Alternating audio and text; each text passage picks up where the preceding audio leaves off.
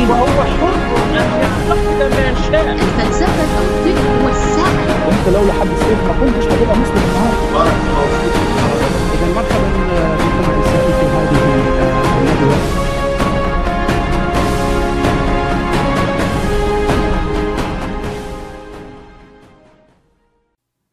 أوكي اذا نحن الآن على الهواء مباشرة على الفيسبوك على صفحة آه، حوارات هشام. آه، إذا كان هناك أي مشكل في الصوت فرجاء أخبروني بذلك حتى نصحح. إذا كانت هناك مشاكل تقنية معي اليوم ضيف آه، طالب به الجميع منذ مدة وكنت دائما آه، تصلني رسائل وتعليقات من الإخوة وطلبات بإلحاح على دعوتك لحوارات هشام. وأنا سعيد جدا أن اليوم تحقق هذا الأمر. أشكر الأخ الذي جمع بيننا في هذا اللقاء. فشكرا لك أخ سراج على تلبية الدعوة وأنا سعيد جدا بوجودك معي اليوم. أهلا وسهلا سيد هشام وأرحب كذلك بالسادة المتابعين. في الواقع أنا سعيد جدا بالتواجد معكم هنا وأتمنى أن يكون هذا اللقاء مفيد للمستمعين والمتابعين. دعني في البداية قبل أن أتلقى منك أسئلة أود أن أقول لك أني فعلا أقدر وأثمن جهودك الشخصية في دحض الخرافة. والتي تتمثل بالأديان عموما وبالإسلام على وجه الخصوص. وكذلك أثمن الجهود آه، من قبلك في إظهار الحقيقة الغائبة مع الأسف عن كثير من ضحايا خرافة الإسلام. وأنا في الحقيقة لك جملة مشهورة عندما يتم سؤالك لماذا مثلا تنتقد الإسلام أو لماذا تنتقد الأديان بشكل عام؟ تقول أنه هو واجب إنساني وهو فعلا كذلك. فأفضل ما نبدأ به هذا اللقاء هو شكرك على أداء هذا الواجب فعلا. شكرا جزيلا لك يعني. أنا هو- هو- طبعاً. هو صراحة صراحة شكر متبادل يعني. إحنا كلا كلانا. كلانا نفعل آه، نفس الشيء. فأنا نعم، أشكرك نعم. كذلك على ما تقدمه. أن ما يقولون بالأسبقية الأفضلية بالأسبقية. لا أنا لا أؤمن بذلك صراحة. لا أؤمن. أنا أنا أقول أن أنا أن نعم هناك يقول لك الأسبقون لا مثل ما قال. السابقون السابقون. أولئك المقربون. تع- لا أنت دخلت الآن في مقاربة ثيولوجية الآن. آه. هو نعم، نعم. هو أنا أؤمن بفكرة أن كل كل الطرق تؤدي إلى روما وكل آه، الطرق تؤدي إلى نقد نقد الخرافة وإظهارها على حقيقتها. فأي وسيلة استعملها الإنسان فطبعا أن تكون وسيلة أخلاقية وليست لا أخلاقية فأي وسيلة استعملت فجيد وستقربنا من الهدف الذي هو إنقاذ ال- البشرية من هذه الخرافات الضارة طبعا لأنه هناك بعض الخرافات غير الضارة. هذه هذه الحقيقة نعم. جميل جدا. هو اللقاء آه، ليس له موضوع محدد و... وأنا يعني حبذت هذا هذا الأمر لأنه ربما اللقاءات التعارفية لقاءات ال- الدردشات الأولى تكون دائما عندها طابع خاص. فانا أنا ليست عندي آه، أسئلة محددة لكن أتمنى أن يقودنا الحوار آه، إلى إلى مواضيع مهمة وأتمنى أن تكون مفيدة مفيدة للجميع. آه، ربما اول أول شيء أود أن أعرفه منك عزيزي سراج هو يعني كيف كيف حصل آه، التحول؟ أنا أعرف أن المسألة تحتاج وقت طويل وسرد ال- القصة يحتاج كذلك إلى زمن طويل لتبسيط الأمور وتفصيلها لكن بي أنا أنا أسأل آه، كثيرا عن المحطات أو نقاط التحول يعني ما الذي جعلك تتحول من مؤمن حقيقي مؤمن ملتزم إلى إلى إلى إلى ناقد للأديان أو ناقد للخرافة كما تسميها. ما هي ما هي النقاط الرئيسية في مسارك التحولي؟ نعم والله هو في الحقيقة سؤال مهم للغاية. يعني البداية تكون يعني بشرح التحول الفكري الذي حدث لي. في الحقيقة دائما أنا أقول أنه الذي حدث معي ربما نوعا ما مختلف لأنني كنت أو تربيت في بيئة ملتزمة جدا. دينية ملتزمة جدا سواء بتلقي العلوم الدينية أو حتى بالالتزام بهذه التعاليم، يعني بيئه من الأجداد إلى الأب إلى هذه الأمور وكلهم كانوا يعني وهذا شيء معروف طبعا بالنسبة لي والذي يعرفني بشكل شخصي يعرف هذا الشيء. فكان من الصعب في هذه البيئه من الصعب أن تجد منفذ لنقد الخرافة أو تجد مثلا نور مثلا يأتي إليك لكي تسلك هذا الطريق بالذات. في الحقيقة ما حصل أنه بالتوسع في معرفة الفرق الأخرى بالتوسع في معرفة الأقوال أو الأقوال للطوائف الثانية اللي هي إسلامية نعم الأشاعرة المعتزلة إلى آخره. في البداية أنا طبعا كان يعني الوالد كان يحمل فكر سلفي تقريبا فكل الكتب الموجودة لديه هي كتب تتعلق سواء على مستوى الفقه وحنبل المذهب أو على المستوى العقائدي. يعني كتب ابن تيمية تعرف أنت السلفية بهذا الخصوص. نعم. فأنا تشربت هذه هذه المعتقدات في البداية، هذا كان على هذا الشكل، ثم تعرفت عندما والد كان يرسلني إلى المسجد لكي احضر دروس أخرى. متعلقة أيضا بالقرآن ومتعلقة بالتفسير ومتعلقة بالعقيدة كما كانت طبعا هنا عادتهم عندنا في عائلتنا. طبعا يرسلون دائما يرسلوننا إلى المساجد. نحن وأنا وأولاد عمي وكذلك أنا شخصيا. فعندما بدأنا بالتعرف الشيخ الذي كنا عنده كان أشعري المذهب ليس على فعندما نقول له كذا يعني بالنسبة للاسماء والصفات يقول لا أنتم مخطئين الحقيقة كذا. فهنا تضارب. أنا أبي يعلمني شيء وهذا يقول لي شيء آخر. ما يعني كيف كيف يعني ب... بدأت تتعرف على على اتجاهات مختلفة وليس نعم، الاتجاه الواحد. اتجاهات مختلفة. آه، طبعا هذا جانب من الجوانب. هناك جوانب كثيرة. لكن نحن نتكلم عن أهم جانب. طبعا حول حاول لفت انتباهي إلى ان هناك مشكلة ما. هناك مم. مشكلة ما في هذا الشيء الذي أتلقاه لأنه أنا لا اتلقى من نفس المصدر هم يدعون مثلا القرآن والسنة ومع ذلك أقوالهم مختلفة وخصوصا فيما يتعلق لما أقول له إنا لله يد أنا كما علمني فيقول لا ليس له يد اليد هي القدرة وأنت يجب أن تؤول ولا تشبه أنتم مجسمة. فأنا أقول ما هذا الكلام يعني ابي مجسم وماذا فعندما أرجع والدي يقول لا اليد لكن ليست كأيدينا أترك طبعا اقوال ابن تيمية والمجسمة. أيوه بالضبط. هم هم يتهمون كذلك. لكن بالنسبة للسلفيات خلاص يقول لك لا أنا لست مجسم. أنا أثبت له يد لكن ليست كاليد لكن ليست كاليد نعم. نعم. هذا بالضبط. فهنا أنا بالضبط هنا هذه المسألة أخذت جانب آه، نوعا ما آه، من التفكير ما من من هو يعني من هو على حق؟ فهذا دفعني للبحث أكثر في الحقيقة في مسألة الأسماء والصفات. في مسألة شكل الله في مسألة ما هو المعتقد باتجاه. وأيضا من النواحي الفقهية أيضا دفعني للبحث أكثر عن بعض يعني عن بعض الأقوال المختلفة. فهذا الاختلاف أنك تتلقى من مصادر مختلفة آه، جعل لك نوع من الحرية نوع من أنه أنت لا تلتزم بشيء معين.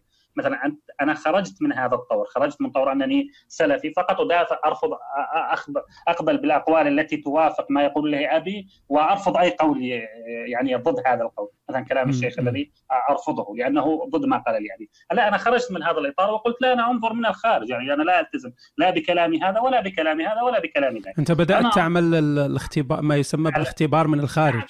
نعم أيوه بالنظر من الخارج أو النظر من خارج الصندوق اللي هو أنت تقرأ هذه الأقوال أو ترى هذه الأقوال أو تقرأ عنها وأنت تستنتج لوحدك ما هي ما هو الصحيح. فأنا عندما بدأت بهذه طبعا هي آه، كانت فترة طويلة جدا ليست فترة قصيرة يعني فورا يوم أو يومين أو ثلاثة لا هي كانت فترة طويلة فنظرت أنا بعض الأحاديث رأيت أو شعرت أن محمد هو شخص مجسم أنا هكذا شعرت يعني أن محمد يحمل يعني من خلال أحاديثه ومن خلال كلامه ومن خلال المفهوم من كلامه أنه شخص يعتقد أن الله هو عبارة عن رجل يعني أو بصوره آدم.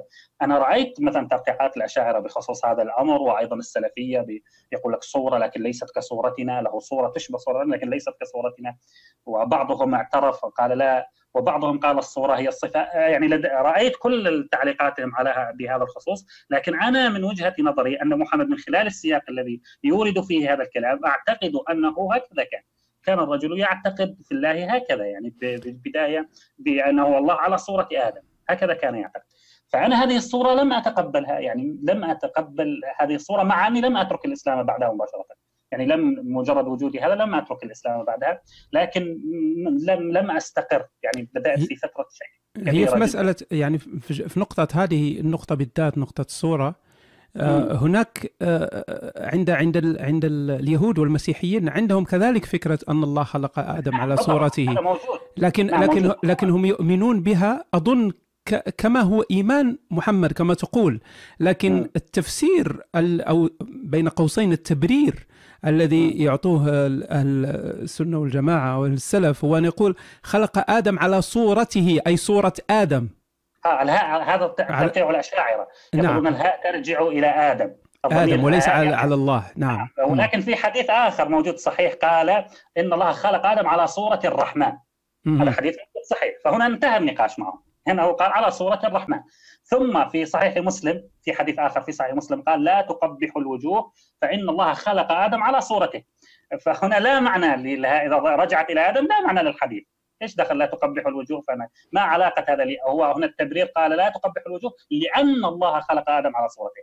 فماذا هذا إذا رجع إذا رجعت الضمير إلى آدم الحديث بلا معنى؟ وإذا. كانت مأخوذة أصلا من ال من اليهود والمسيحيين ف-. ف- فهو نعم، نفس نفس المعنى. نعم ويوجد حديث آخر يؤكد أن الهاء لا ترجع إلى ترجع إلى الرحمن. هو قال على صورة الرحمن كما جاء ذلك في آه، عند ابن خزيمة في كتابه التوحيد أو فذكر هذا الحديث بسند صحيح.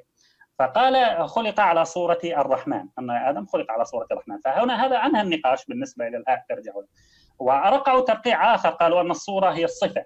كما نعم، قال نعم، نعم، أحد. الأحاديث. تدخلون الجنة على صورة القمر. مم. فقالوا لا لا ندخل نحن مدورين يعني على هيئته وشكله إنما ندخل على صفته من جمال.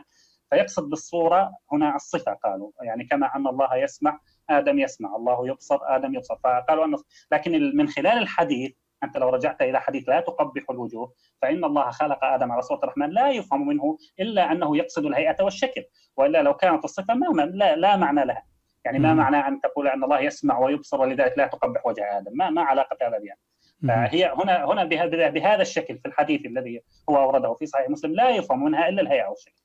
فبناء على كل هذه الأحاديث هذا غير أنه في كثير من الأحاديث يصف يدين ويصف قدمين آه ويصف معروف أصابع. نعم. وقال بش- بشكل صريح أن الله رأى ربه بصورة شاب امرد وغير ذلك قال بشكل واضح في بعض الأحاديث جاء أنه جلوسه على عرش وقال بشكل واضح وصفه أن له قدم وله قدمان حتى ليست قدم واحدة يعني. من الذي يسير على قدمان غير البني آدم لا يوجد. فهو قال قدمين يضع قال الكرسي موضع القدمين. كما جاء عن ابن عباس مرفوعا قال الكرسي موضع القدمين فأنت لا يوجد أحد لديه قدمين إلا ال- يعني فهو الصورة فعلا يريد بها الهيئه والشكل من خلال أحاديثه الكثيرة ومن خلال ما ورد في بعض ما جاء في صحيح مسلم خلال تجد أن كل ترقيعاتهم هي محاولات لاخفاء الحقيقة، لا تجد أنها فعلا هي الحقيقة ولا ما كان لديهم مشكلة. نعم حتى في حديث يوم القيامة في حديث يوم القيامة والمثول أمام مم. أمام الله ويظهر عن يكشف عن ساق يكشف عن ساق. هذه هذه. ليست لا يمكن أن تكون مجازا لأن لا. لأن هذا هو نعم. الدليل معرفة الله بالضبط نعم هذا لا يمكن أن تكون لكن هم يقولون أن الشيعة رأيت بعض التفسيرات والاشاعره يقولون أنه يكشف عن ساق هي كناية عن ال عن عن هول الأمر لأن العرب تقول يوم يكشف عن ساق في الحروب يعني. فيقولون هي كناية عن هول الأمر لكن هو هو ترقيعات الاشاعره معروفة يعني. مم. واضحين يعني لا يريدون أن يؤولوا كل شيء وهذا مذهب متأخر. الأشاعرة لم لم يكن أحد من من السلف اشعريا هذا حقيقة لا يعني لم يكن مثلا سفيان الثوري ولا هؤلاء الذين تلقوا العلوم عن الصحابة لم لم يخطر على بالهم هذا الكلام الذي يقوله الأشاعرة. فهذا مذهب جديد أساسا. هم. تلقوه بعدما اختلط المسلمون ب أو اختلط بعضهم ب- بالعلوم الغربية من نتيجة فتح البلدان. فوجدوا أن هذه الصورة التي يذكرها يعني غير ملائمة وأيضا ظهرت مذاهب العقل وتقديم العقل. فوجدوا أن هذا الأمر الذي يذكر من تجسيء من من تشبيه الله والى. آخره ليس ما فبداوا بالتأويل والاخر فهو مذهب أساسا محمد ليس لم يكن على زمن محمد. إذا فهو بشرية بشرية الله أو ب- هذه الصورة الصورة- ل- مثلها لله كانت هذه- كانت آه، نقطة نقطة تحول أو نقطة تفكير عندك. نعم نقطة آه، مثل ما أريد أن أشبهها بالشرارة يعني التي. أشعلت كل هذا الأمر. لأنها بالبداية لم يعني قلت حتى لو كان الله يعني مثلا بهذه الصورة فأنا ما ضرني يعني أعبده وانتهى الموضوع. يعني بأي صورة فليكن. يعني أبقيت على الإيمان لكن هذه نعم، الصورة نعم، ربما بدأت نعم آه، زرعت يعني الشك نعم زرع زرعت شك. وأضف إلى ذلك أني صرت أفكر أنه يعني في هذه المسألة آه، أخذت البعد الثاني للمسألة واللي هو الاختلاف. أقول يعني ما دام النص واضح يعني ما دام النص يقول شيء فلماذا هذا يعني لماذا فرق متعددة والكتاب واحد كما يزعمون.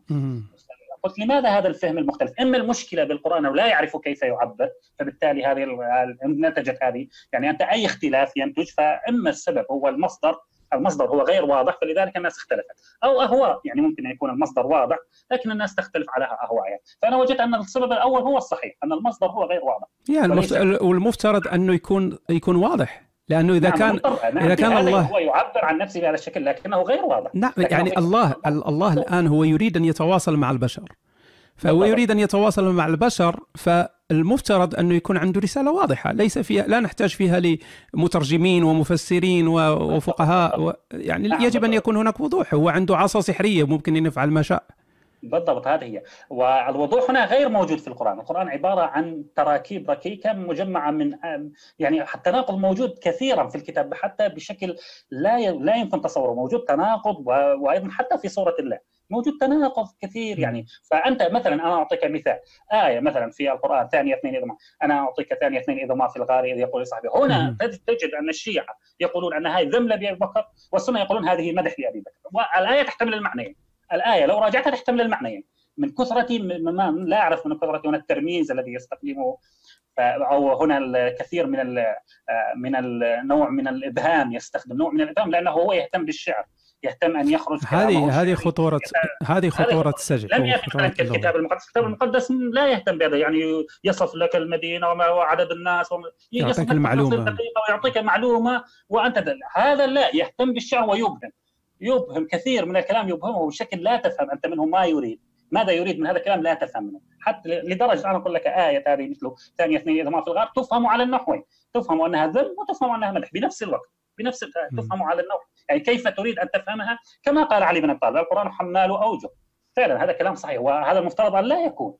هذا المفترض أن لا يكون. إذا كان الله لا يعرف أن يكتب رسالة واضحة فهذه مصيبة. يكتب رسالة تحتمل أكثر من معنى. هنا هو السبب والاختلاف وليس الناس. لأنك أنت عندما تكتب رسالة تحتمل أكثر من معنى فلا تلوم الناس لأنها فهمت المعنى هذا أو المعنى ذاك انت تكتب رسالة واضحة ووضح يعني وضح ماذا صحيح تريد. صحيح. وحتى أداة التواصل غير جيدة يعني أي أداة التواصل ووقت التواصل غير جيد. يعني كان ممكن ينتظر على الأقل إلى آه، إلى اختراع ها بالضبط. كان سيكون. آه. هنا نعم هنا أنا حتى يعني عددت حلقات لهذا الموضوع التغيرات التي حصلت في القرآن وإلى آخره.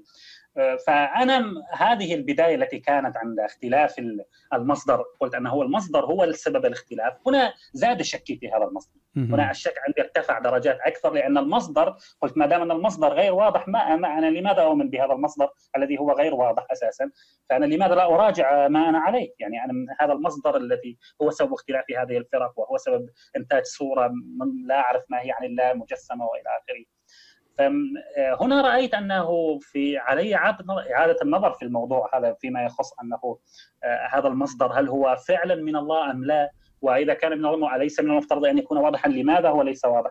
فأنا قلت لا لماذا أنا أفعل ما هو أخرج خارج الصندوق أنظر له. من خارج الصندوق أعتبره كلاما عاديا حتى أجد فيه ما يثبت عكس ذلك وبعدما أنا قرأت على هذا الأساس لم أجد فيه شيء يعني دلني على آية مثلا أنا دائما في نقاشاتي مع بعض المسلمين وبعض المسلمين سواء الذين التقيتهم التقيتهم وجها لوجه أو الذين اتحدث معهم.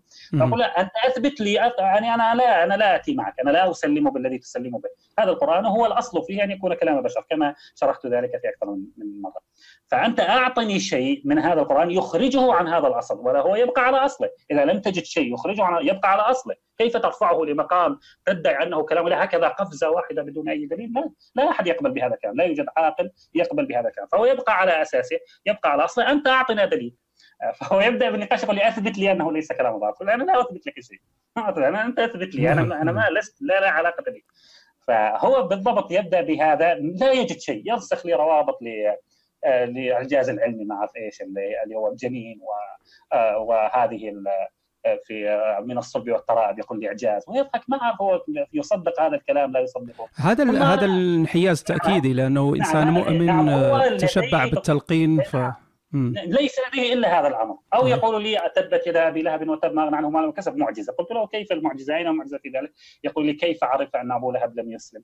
أو أنه إذا أسلم أبو لهب سينهدم الإسلام. ما قلت له ما يعني في رأيك أن هذا ما تقوله هذا هو فعلا دليل على أن هذا الكلام. قال لي نعم. يعني بعضهم أكثر من شخص يعني لديه نفس الحجج. سوره أبو لهب والإعجاز العلمي هذا هذا الذي أبو لهب هذه هذه مضحكة جدا لأنه أبو أنا لهب أضحك فعلا.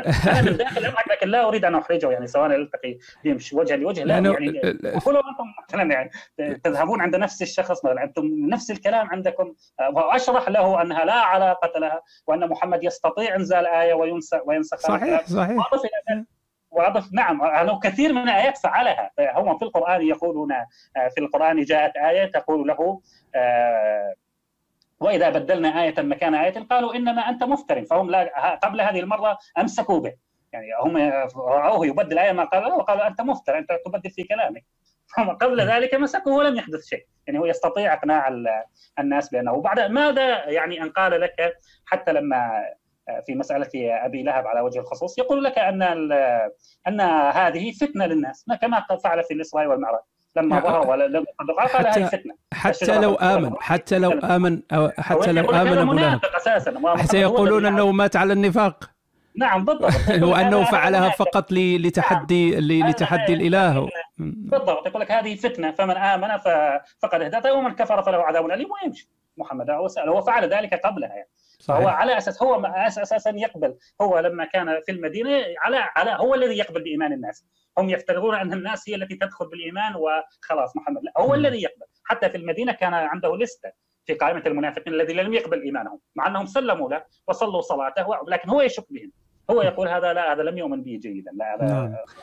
أنا- على الليست. أنا أجد أنه أجد أن الإنسان عندما يصل إلى هذه النقاط التي رئيسية في مساره مسار الشك ومسار التحول آه، أن هذه النقاط الرئيسية أو هذه المحطات الرئيسية في هذا المسار تجعله يراجع ما هو مشكل أخلاقيا ما, ما الذي كان يسلم به ف وكأنك يصبح عندك رؤية محايدة أكثر ل- ل- للإيديولوجية. يعني أنك في البداية تكون عندك مسلمات فتنظر إلى الأديان الأخرى والإيديولوجيات الأخرى تنظر إليها بمعايير مختلفة تماما عن المعايير التي تط- تطبقها على دينك. لكن بسبب هذه المحطات لنسميها محطات الشك بسبب هذه المحطات تصبح عندك حيادية في في النظر في النظر, في النظر إلى إلى ما تؤمن به أنت. فهل بالضبط. هل حدث عندك نفس الشيء أنك بدأت تراجع ما هو آه، مشكل أخلاقي في في في النصوص الإسلامية؟ لا الناحية الأخلاقية لاكون صريح معك، الناحية الأخلاقية أنا لم أكن اهتم بها يعني. أكون صريح بشكل واضح. يعني مثلا أن محمد يسبي النساء وأنه تزوج عائشة في سنه هذا كنت أقرأها أنا. فليست مشكلة كبيرة لا ليس لأني إنسان لست أخلاقي مثلا أو لا أعتبر أعتبر أن هذا الفعل أخلاقي لكن أبرر. يعني أقول هذا في زمنهم يعني أمر جيد أمر مقبول لكن في زمننا ليس مقبول. مثلا قرأت أنا مثلا أن محمد تزوج عائشة في ست سنوات أنا قرأت هذا الحديث منذ الصغر تعرف هذا ليس جديدا علي فعندما قرأت ذلك وأنا أفهم أنه قلت لأنه لو كان ذما بمحمد لو كان ذما ما فعله هذا مذموم لذمه العرب لذمه هكذا كنت أبرر لنفسي. لذمه الناس أو ذمه فهم حتى بأكثر عيروه لكن لم يعيروه أنه. متزوج الصغيره وحتى كانت هي مخطوبة قبل قبل محمد. فأنا قلت هذه عاداتهم يعني. فلا يمكن لي أن أخرج من الدين بسبب انه هذه عادات قلت لهم يعني والمجتمع والله يجب أن يراعي العادات. فهذا لم أكن يعني لم أكن أحمل من ناحية حتى السبي موجود أقرأ عنه وأعرف. حتى أنا في منطقتي في سوريا جاء داعش يعني وراينا السبي النساء وراي هذا باعيننا لم لم يحدثنا أحد. عنه وهذا كان مقزز في الحقيقة ويعني لما لما تراه على أرض الواقع غير لما يحكى في الكتب وقلت أنه اندثر وقلت أنه في إعتاق الرقبة يتحدث عن إعتاق الرقبة. فأنا قلت أن هدفه الرئيسي هو إعتاق الرقاب لكن لم يستطع. فأنا كنت هكذا أبرر أنا انت بروايه الله, الله لم ينجح في في خطته. نعم بالضبط لم ينجح في الخطة لكنه هو في الحقيقة يعني لم يوازن بين الأمرين. هو يسمح بالسبي من الحروب ويقول لك أطلق هكذا أنت لم تحل المشكلة. نعم لأن مصدر مصدر الرق لل- باقي. نعم أنت باقي مصدر الرق أنت لم تحل المشكلة. ما- أي غبي يقول لك أنك ستحل المشكلة وت- وتبقى أن مثلا تبقي السبي مفتوح. تقطع وارده ثم تجفف منابعه. شيء مقبول. هذا كلام مقبول. لكن أنا كنت أتبنى هذا التقطيع ولم أنتبه لهذا الأمر. يعني لأنني في البداية لم أكن أفكر كثيرا حتى أتت هذه فمسألة الاخلاقيه اتت متأخرة فأنا بالبداية ركزت على أريد الشيء قاطع يثبت أنه من دون من دون لف وهذا هذا الأمر غير أخلاقي وأخلاقي في عصره وغير أخلاقي في عصرنا. هذا الأمر تركته جانبا حتى أتأكد من أن هذا المصدر ما هو. فأنا عندما وجدت أن هذا المصدر غير واضح ومبهم وفوقها لم أجد أن المسلمين أو حتى ما قرأت في كل ما قرأت لم أجد أحد يعني أنا لما رجعت إلى هذه القاعدة أنه الأصل فيه أن يكون كلام البشر وأنت أثبت لي أنه كلام الله وجدت أن المسلمين ليس لديهم شيء لإثبات ذلك. وجدت أنه لا أحد أساسا لديه ولم أجد وبحثت في كل مكان لم أجد شيئا يثبت أنه كلام الله. كيف أنا أسلم بهذا؟ أنا هنا بدأت بدأت مرحلة الخروج. بدأت بمرحله الترك تدريجيا لأنه أنا لم أجد يعني يعني أنت مثلا تحاورني بهذا ما لم أجد حجج مقنعه، لم أجد شيء مثلا يمكن أن اضعه أو أكتب اضع واحد رقم واحد الإثبات الأول هو كذا كذا، لم أستطع عفوا أمسك ورقة وقلم لم لأنني لم أجد شيء. تخيل لم أجد حتى مجرد شيء ممكن أن أعتمد عليه في هذا الموضوع. طبعا أنت لم تجد شيء مقنع بالنسبة لك لكن لكن لكن ما هي تبريرات التبريرات التي كانت كنت تسمعها من من المسلمين؟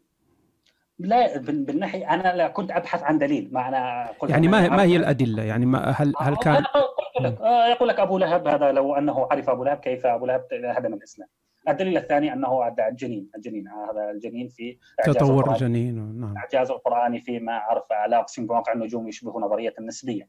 اعجاز أولم يرى الذين كفروا أن السماوات والأرض كانت طارتكا ففتقناهما هذه هذه الانفجار العظيم. مع أن الماء أصلا القرآن يقول أن الماء موجود قبل السماوات والأرض. وهو يوافق الأساطير. واساسا النظرية مستحيل الماء يكون موجود قبل لأن الماء متى تشكل؟ الأكسجين متى؟ فكلامه كله لا يوافق نهائيا وليس حول يعني لا علاقة له بالنظرية نهائيا. له علاقة بالخرافات والأساطير. أنا عندما بحثت وجدت هذا. يعني هذه هي الحقيقة. لم يستطع أحد إزاحتها. لم يستطع أحد تبريرها. أنا لو وجدت بقيت مسلم. أنا وجدت اجوبه ما اخرج يعني لو وجدت أجوبة بصراحة لا أخرج. لكن هذا هذا هذا هذا الأمر محير بالنسبة لي. يعني أنا أنا شخصيا حتى لو كان هناك إعجاز كما يسمى إعجاز يعني أن كاتب القرآن أعطانا معلومة فعلا لم نتوصل إليها إلا في القرن العشرين أو القرن الواحد والعشرين. إذا كان هذا الأمر صحيح بكل ما له وما عليه صحيح 100% فلن يجعلني لن يجعلني أو لن يدفعني للرجوع للإسلام لأن مشاكل الإسلام لا تتوقف عند هذا.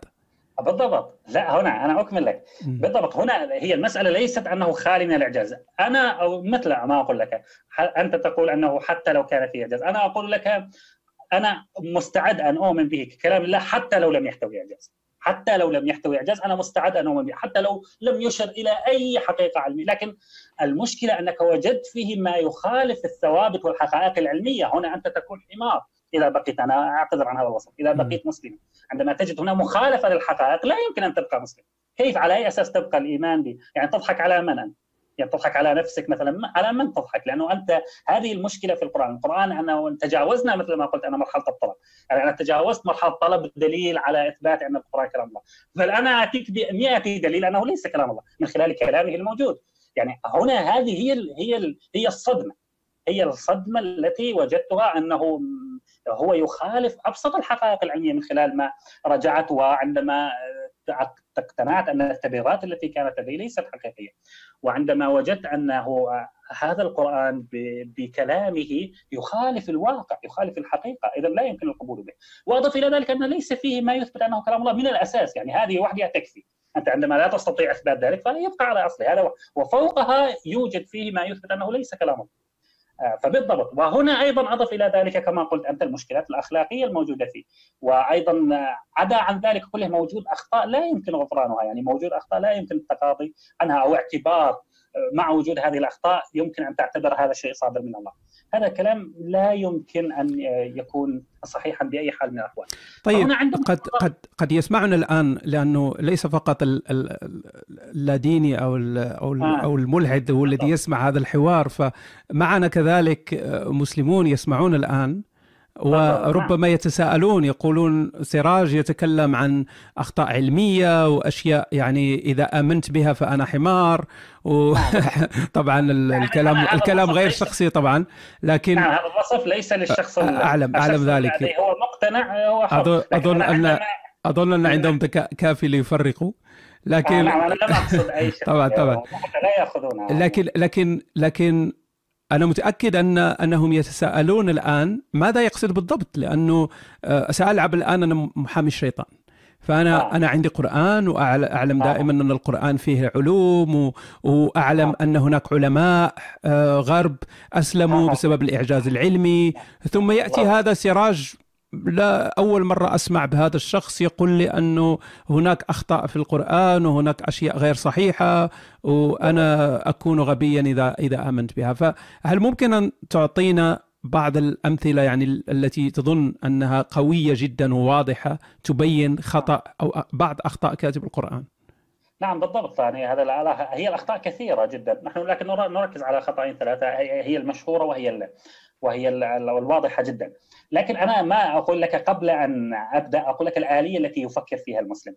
الآلية التي يفكر فيها المسلم هي خطأ. لماذا لا يصل للنتيجه التي وصلنا إليها؟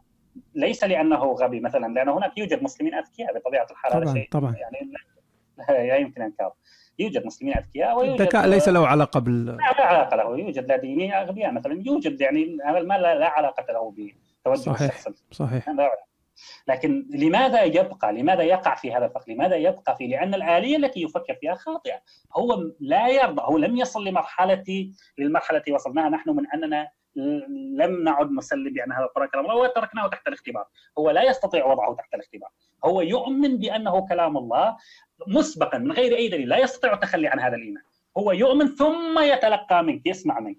فهو بالأساس يعتبر أنه كلام الله. فهو يعتبر أن كلامك هو الخطأ وكلام القرآن صح حتى لو كان خطأ. فهو لا لا يقبل أن يكون أن تقول له لأنه لم يصل لهذه المرحلة بهذا الشكل. هو ينطلق من النتيجة ينطلق من هو ينطلق هو يسلم لك يعني يقع يضع قدميه يقول لك القرآن كلام الله تفضل ما عندك؟ شو تريد؟ ماذا تريد أن تقول؟ نعم نعم. هكذا هكذا هو يسمع منك المسلم طبعا هو لا يقول لك هذا بحرفيا لكن هو يفعل هذا سواء شعر بذلك أم لم يشعر. فهو يضع قدميه يقول لك هذا الكلام القرآن كلام الله ماذا تريد؟ فبالتأكيد أنت ما أنت سلمت بالنتيجة لن تقبل بأي شيء يعارضه حتى يذهبون بالترقيعات أنا ناقشت بعض المسلمين يذهب بالترقيعات أنا أحصره وأحصره بالزاوية ثم أحصره أبقى معه على آية واحدة أحصره أحصره حتى يأتي بترقيعات سخيفة لا تقنع أحد وهو مقتنع بها هو يعني مقتنع بها. حتى اخر حتى يعني في النهاية ناقشت أحد المسلمين آه، بخصوص آية الشمس تجري لمستقر لها ناقشته. ناقشته ناقشته حتى انتهينا. يأتي بترقيعات ثم أنا أفند ويأتي بترقيعات ثم أنا أفند حتى حصرته في الزاوية قال لي يحتمل الخطأ بالأخير. قال لي آه، لكن يحتمل أيضا الصحة. فأنت لماذا طبعا هو يحتمل الصح طبعا. يعني قال لي كلامه يحتمل قلت- له أنت وصلتني إلى ما دام أن كلامه يحتمل الخطأ فهو ليس كلاما من الله لأن كلام الله لا يمكن أن لا يمكن أن يحتمل الخطأ ولو بنسبة حتى أقل من أنت كيف تقول كلام اله يحتمل الخطأ؟ لا يحتمل الخطأ لا يجب يجب أن لا يحتمل إلا الصواب وأنا بينت له مع أنه لا يحتمل الصواب نهائيا قلت له ما هو الصواب الذي تقول في هذه الآية؟ آه، أنا سأشرح الآية من البداية هي قوله الشمس تجري لمستقر لها ذلك تقدير العزيز العليم أو العزيز. الكريم فعندما هذه الآية تقرأها تجد لها تفسير من قبل محمد أي أنه اغلقنا حديث صحيح. نعم أبي ذر. التفسيرات الحديثة التفسيرات الجديدة هذه كلها اغلقوها لي لأن محمد يتكلم الآن. يعني أنت تريد أن تعاند صاحب القرآن هذه مصيبة. يعني الذي أنزل عليه القرآن لا يفهم والشحور وما أدري منه هذا غيره يفهم هذه مصيبة. إذا قلت بذلك كفرت بال- بالمص- بالمعنى الإسلامي. إذا قلت أنا أفهم من محمد في القرآن هذا كفر. هذا عندهم كفر يعني. فأنت فهنا لا يجب أن نغلق التفسيرات قال فلان قال فلان أنا لا أقول لك قال فلان. أنا أقول لك قال محمد صاحب هذه الرسالة. فهو شرح لنا ما معنى هذه الآية. فأنت أي أي ترقيع غير مقبول نهائيا غير مقبول. لأن صاحب القرآن موجود ونقل منا نقل عنه رد والرد في حديث صحيح موجود في أكثر من طريقة. قال لما رأى هو وأبو داود هذا الحديث هو وأبو ذر فكانوا على نعم. آه، فكانوا هو وأبو ذر نعم. كانوا على حمار أو ما شابه فعندما غربت الشمس قال أتدري أين تذهب هذه؟ قال الله ورسوله أعلم. قال فإنها تذهب إلى عرش الرحمن أو تحت عرش الرحمن. تسجد. وقال في رواية أخرى قال تستقر تحت عرش الرحمن. أو قال العرش آه، مستقر الشمس. لما قال لي مستقر لها قال مستقرها تحت العرش. انتبه لهذا اللفظ جيدا. قال مستقرها تحت العرش. أي أن الشمس هو يعتقد أنها بشكل واضح هو يتكلم. عندما تغيب أو تغرب هو لا يتحدث عن شيء مجازي. هو يقول لك الشمس عندما تغرب تذهب تستقر تحت عرش الرحمن. باللفظ. لما وصل للايه قال لما لمستقر لها قال مستقرها تحت عرش الرحمن موجود في الحديث في صحيح البخاري عندما قال مستقرها تحت عرش الرحمن يعني أنها تتوقف صحيح ولا لا؟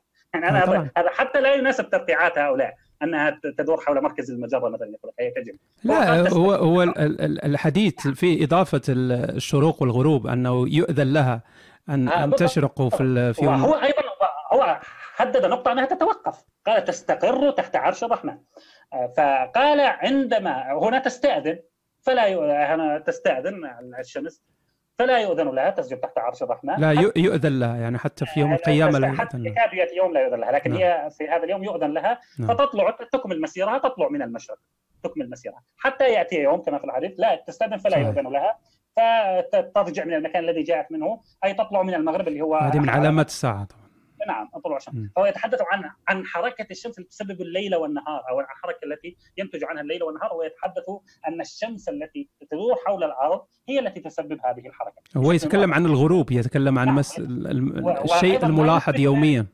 نعم بالضبط. هو يقول لنا وما يثبت ذلك حرفيا أنه يقول أنها تستقر تحت العرش ثم في يوم القيامة يقول لها ارجعي من حيث جئت.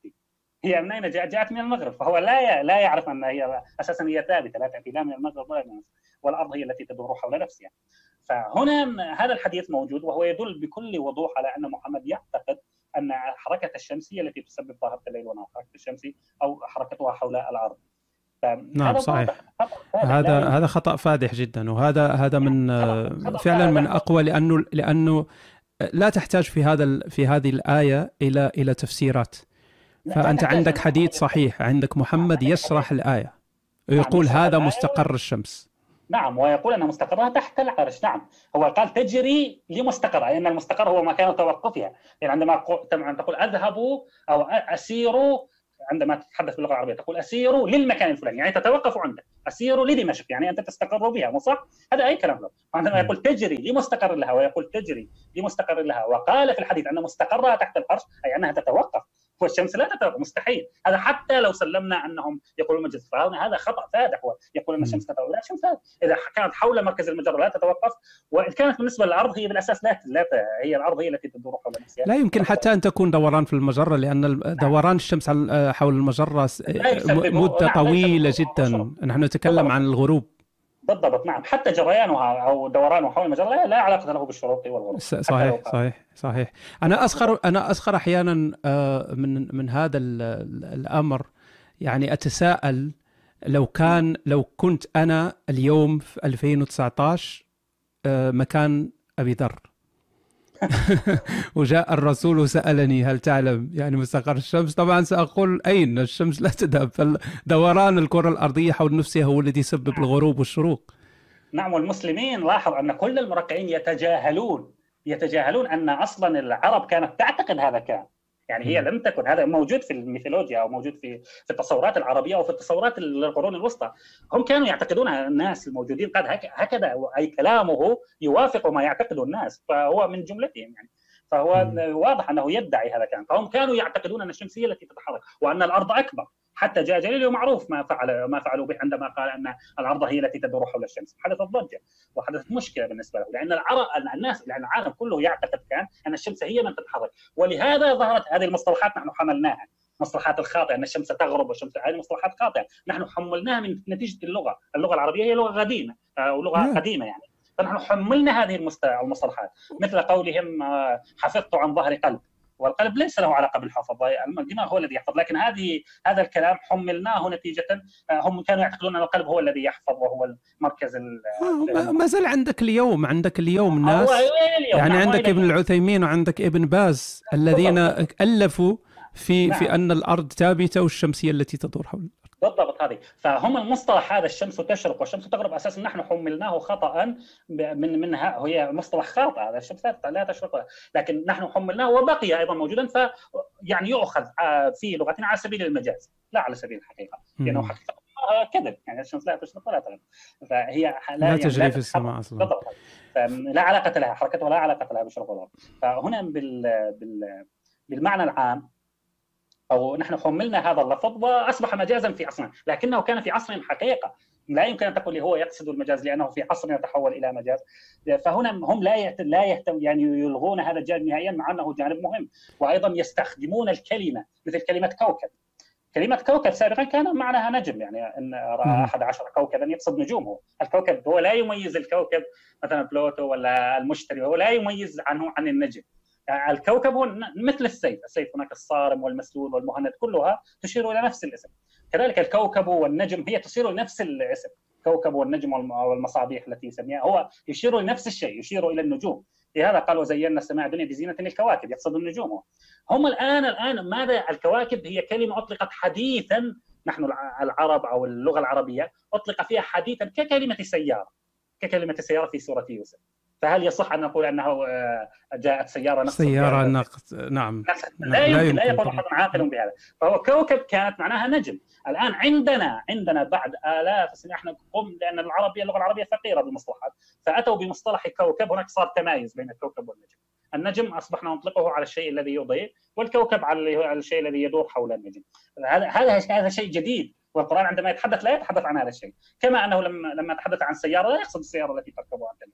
فأنت لا يمكن أن تأتي بالمصطلحات هم يأتون بهكذا هم وحتى في قولهم تشرق وتغرب الشمس يأتون بها هكذا لصقا يعني المعاني الحديثة التي ركبت حديثا للكلام يلصقونها لصق حتى يخرجوا أو يؤولوا مع انه لا ينتبهون أن القرآن لا يقصد هذا الكلام ويجب معاملته انصافا من ناحية الإنصاف بنفس العصر الذي ورد فيه لكي تفهمه. أنت تريد أن تفهم هذا السياق سياق مهم جدا.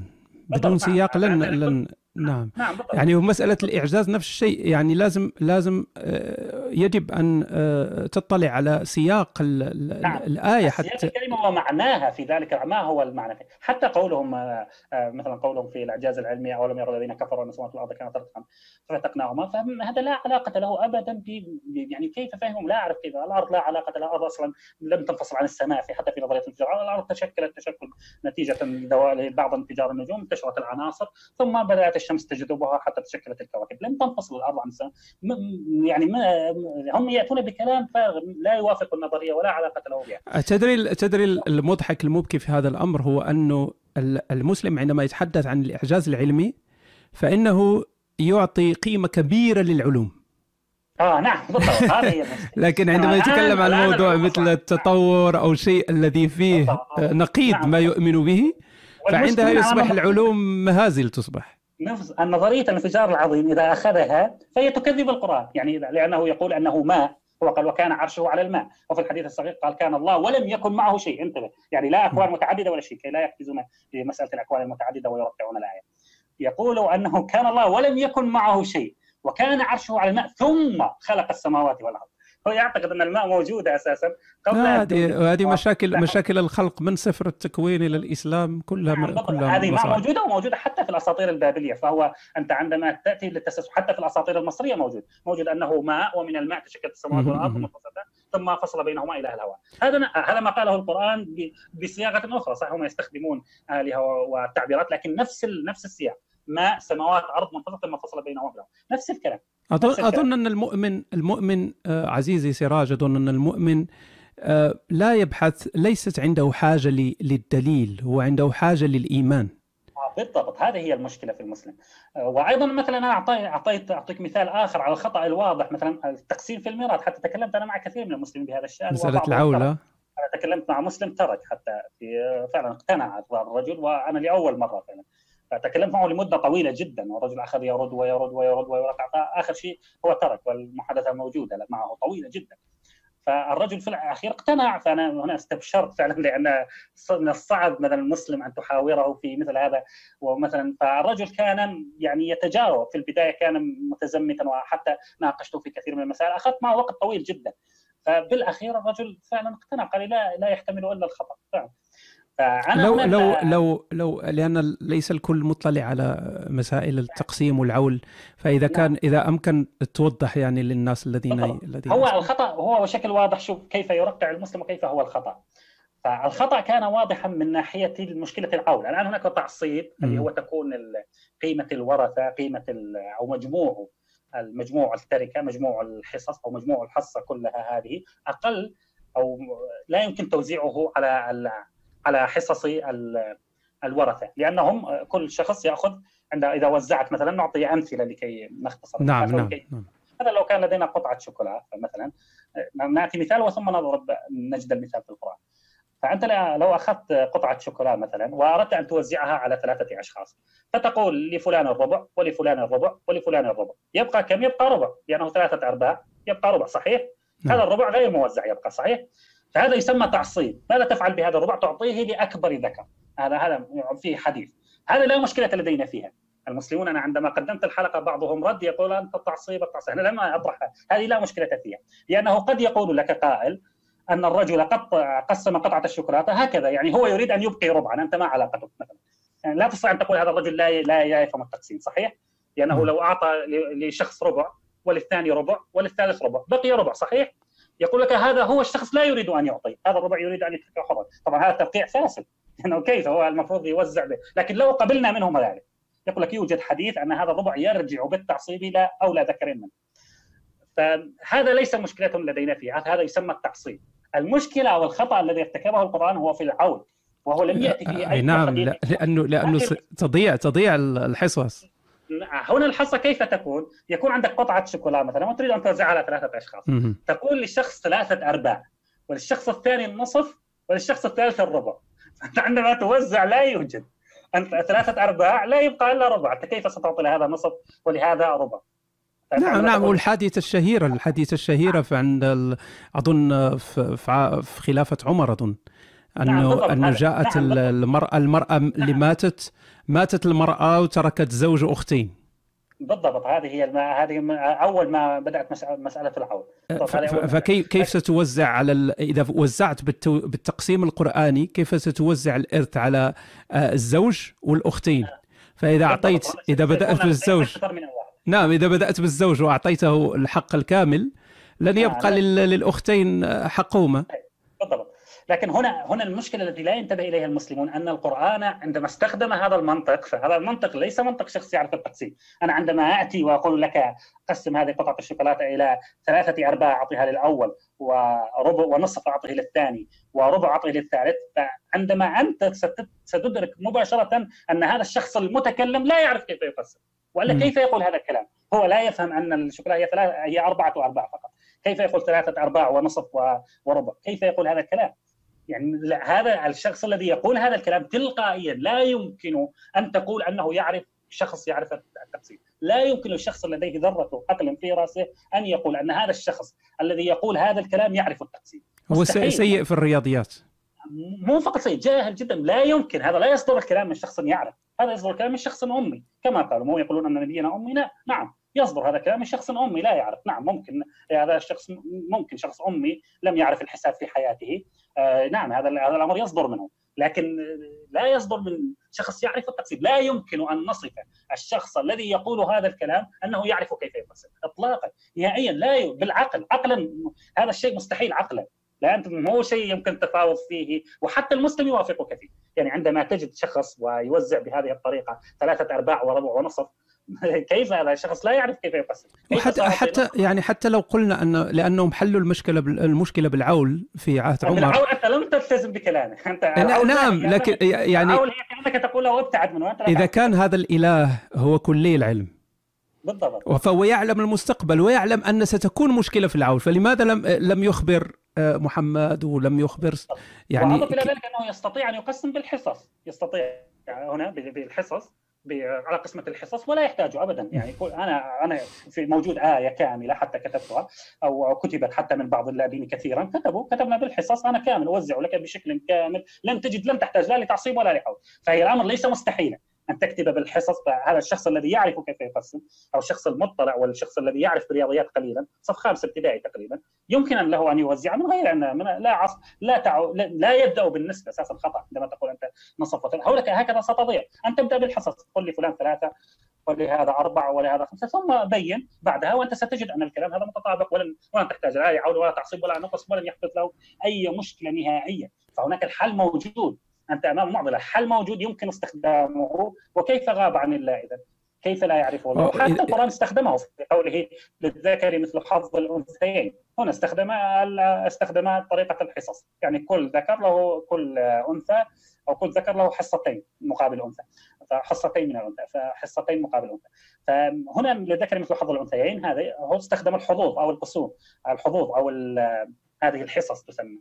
التقسيم بنظام الحصصي يخرجه من المشكلة لو كان يفهم شيئا، حتى المشكلة أن هذه الآية للذكر مثل حظ الأنثيين هو لم يأتي بها، هذا الشيء معروف عند العربي سابقا. أتى به كما ذكر ذلك في تاريخ العرب. ذكر أن هذا الشيء معروف. العرب كانت تعطي أو تقطع يد السارق وكذلك كانت تعطي للذكر مثل حظ الأنثيين، فهذا حتى التقسيم بهذا الشكل لم يكن منه بل كان هو أخذه من العرب، وعندما أراد أن يقسم آه، لاص الدنيا مثل ما نقول. يعني لم يعرف كيف يوزع الحصص. جاي جاي كحلها عماها. آه، بالضبط هنا. وحتى يعني عندما عمر بن الخطاب أتى وعرف أنه المشكلة أنه لم يلتزم. انت والمشكلة أنه قال ومن يتعدى حدود الله فأولئك.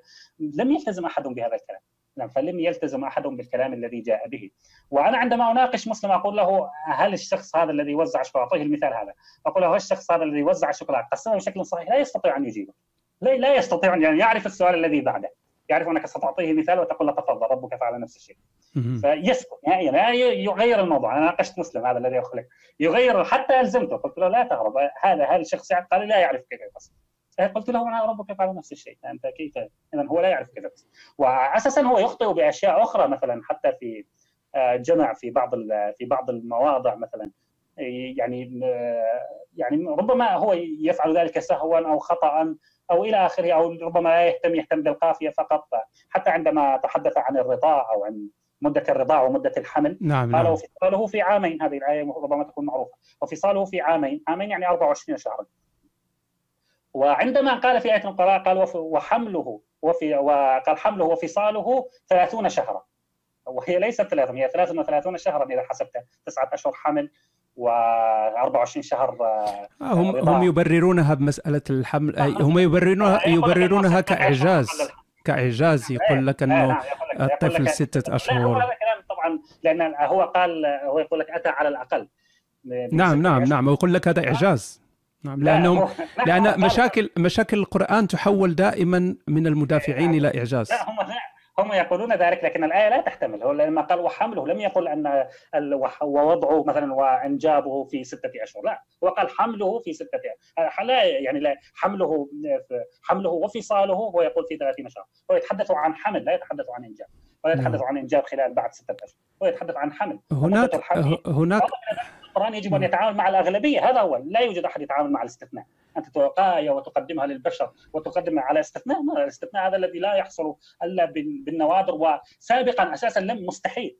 سابقا سابقا في حياتهم أو في عصرهم عند الستة أشهر لا يمكن أن يعيش الجنين لأنه لا يوجد اليوم يوجد أجهزة متطورة يوجد حضانه متطورة يمكن أن يعني يعيش يعني بشكل أو ومعظمهم يموتون لكن ممكن لكن في زمنه لم يكن هذا الأمر. يعني هذا الآية في زمنه لا تنفع نهائيا ليس لها أي قيمة. يعني إذا هي مخطئة لأنه عند سته أشهر يعتبر إجهاض في زمنهم. لأنه يموت لا يمكن أن يعيش مستحيل أن يعيش. لأنه في سته لم يكن كامل. إذا لا يوجد أجهزة حضانة متطورة وبالكاد يعيش حتى في الدول المتاخرة يمكن أن يعيش بعد ست يعني إذا انجب عند ست فهذه المشكلة وهم يخرجون منها بتبقيعات واضحة. مثلا مثل ما قلت أنت تقريبون يقول لك إنه أقل مدة الحمل هي ستة أشهر. نعم نعم. هناك ودائما تجد تبريرات. أنا أنا أنا أنا بالنسبة لي هناك مسألة آه، كذلك واضحة وتبين خطأ كاتب القران إذا إذا بحثنا عن الأخطاء هي كثيرة جدا. لكن آه، واحدة يعني خطأ واضح جدا هو مسألة خلق الأرض وخلق كل ما آه، سوى الأرض. هو أنه في في في, في الوقت المخصص لكل منهما. هو خصص أربعة أيام يعني ثلثي الخلق خصصه للأرض. نعم وهذا ويومين لكل ما في الكون. يعني هذا يعني لو أخبرت آه، فيزيائي قلت له أن آه، خلق الأرض يحتاج ثلثي الوقت نعم. على يعني مسألة مضحكة جدا. لا ناقشت بعض المسلمين يقول لي أيام لا تعني زمن قلت له ماذا تعني؟ كتله قال لي لا, لا أيام لا تعني زمن فشوف أين ذهب بهم الترقيع يقول كلمة يوم لا تعني أن لكن لا لا يهم لا يهم. يعني حتى لو كانت حتى لو كانت زمان أو يوم لا يهم. لا هو يعني لا الاله يحتاج يقول لك المشكلة ليس زمن. أنا قلت له زمن طويل أو قصير قال لي ليس زمن نهائيا. يعني لا تشير إلى زمن نهائي. قلت له ولا تشير إلى كتلة تشير إلى ماذا تشير اذا؟ تشير إلى زمن أي عاقل يعرف ذلك لا يوجد عاقل ينكر ذلك يقول لا لا تشير ما بدأ يرقع ما أعرف كيف يفكرون وبدل بدل الجواب البسيط السهل الواضح الذي آه، أن نعم. هذا كاتب القرآن يظن. أن الأرض شيء عظيم. جدا نعم. وفيها جبال وفيها أقوات نعم. وفيها فهي طبعا نعم. ستحتاج وقت أكبر من مجرد نعم. سماء نعم سقف. بالضبط هو يقيس ذلك بالنظر بالنظر هو ينظر إلى الجبال والانهار بنظره يعني بنظره الواقع. وينظر إلى السماء يقول هي عبارة عن سماء سقف سقف سقف سقف يحتاج ليومين. إيه ليومين. واشجار وحيوانات تحتاج وقت هو اليومين تحتاجها للتزيين تعرف النجوم. بالضبط. أربعة أيام الأرض طبعا. وعاد بدأ بالأرض أربعة أيام ثم في اليومين الأخيرين سوى سماوات وبعدها النجوم. يعني عكس النظرية تمام فتقول لك النجوم اولا ثم هو عكس كل النظرية راسا على عقب والمشكلة بعدها يتبجح يا- أي المسلم يأتي ويقول لك أن القرآن يوافق يعني الذي يقول هذا الكلام لا أعرف يعني حتى في الأخير حتى أنا تابعت عدنان إبراهيم حلقة له يصرح بذلك يقول لك يتوافق مع العلوم في اشارات علمية. أنا أستغرب هذا الادعاء مثل من شخص مثل عدنان. لكن في الحقيقة تكلم أيضا هو عن التطور كان يريد أن يوافق بين التطور آه آه. شفت هو غير مستغرب. أنا فكرت يعني قلت هي غير يعني الذي يقول أن التطور في القرآن فهذا غير مستغرب منه أن يقول أن الانفجار العظيم. أو قلت أنا قلت في نفسي شيء طبيعي ربما يعني لأنه يعني يريد أن يلصق الإسلام بالعلم يعطي له قيمة. يعني العلم هو الذي له قيمة. هذه الخرافات ليس لها قيمة. يعني لا يمكن يجب أن تتلصق بالعلم لكي يكون لها قيمة أو يمكن أن ترويجها. يعني أنت أنا تشوف ذاكر نايك الآن؟ كل كلامه أن القرآن كل ما ليس لديه إلا هذه الأجوبة. هي أنه القرآن يتوافق مع الانفجار العظيم، القرآن يقول أن الشمس تدور حول المجره وإلى آخره، يعني هذا الكلام الفارغ اللي هو عكس القرآن تماما. هم يعطونك صورة مزيفة اللي هي لصق ال- الإسلام بالعلوم وهي بدأت قبل. بدأت بالكتاب الفيدا وبدأت عند المسيحيين قبل آه أن طبعا هناك إعجاز عند الآخرين. ينسخوا. طبعا هم ينسخون المسلمين دائما متأخرين حتى في هذه المسألة. حتى في مسألة التوفيق بينهم متأخرين. والآن طبعاً. الآن الذين الآن ما يفعله أغلب من يتكلمون عن آه، يعني ضد ضد العلم يقتاتون على كلام الخلقيين ال- الأمريكان والغربيين يقتاتون. يترجمون. يعني حتى مراجعهم أحيانا يأتي لك بمرجع مرجع من القرن السابع عشر الثامن عشر التاسع عشر. يعني متأخرين في كل شيء. بالضبط يأتيك نعم يأتي بهذا المرجع هو هو هو هو ليس المشكلة أنه هذه المشكلة مشكلتهم أنهم لا يريدون أن يعرفوا هم لا هو مسلم مسبقا أن القرآن كلام الله. هو يريد فقط إثبات يعني للإيمان. يعني يضع يضع نعم. انه هذا القرآن كلام الله يضع ما يتلقاه أمامه سواء كان واقع حتى إذا كان واقع يكذبه. لأن بعضهم يقول لك الأرض مسطحة الآن يعني يكذب عينيه ما عنده مشكلة. إذا نعم. اقتنع بان القرآن يقول ان الأرض مثلا مسطحه فهو ياتي يأتي يقرأ هذا الشيء يتوافق مع القرآن الصقه به. لا يتوافق مع هذا الشيء كذب حتى لو كان صحيح. حتى لو أن نفس الشيء من نفس المصدر يكذب. يعني مرة صحيح. يكذب نفس المصدر وهو يعني يأتي إليه أو يستدل به نفسه. يعني يستدل نفس المصدر الذي هو يكذبه في مرة أخرى. اخ أخ سراج آه، وصلنا إلى فترة الأسئلة. شوف. نعم. الوقت مر الوقت مر بسرعة رهيبة. ف أنا سأخذ الأسئلة من من الفيسبوك من حوارات هشام آه، فمن عندها وعنده سؤال يتفضل به الآن. نحن سنأخذ الأسئلة. هناك بعض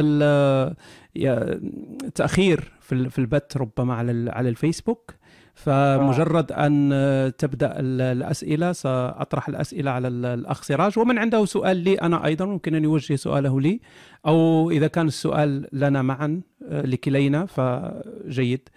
آه، هناك أول سؤال يقول ما هي إشكالية القضاء والقدر في الأحاديث؟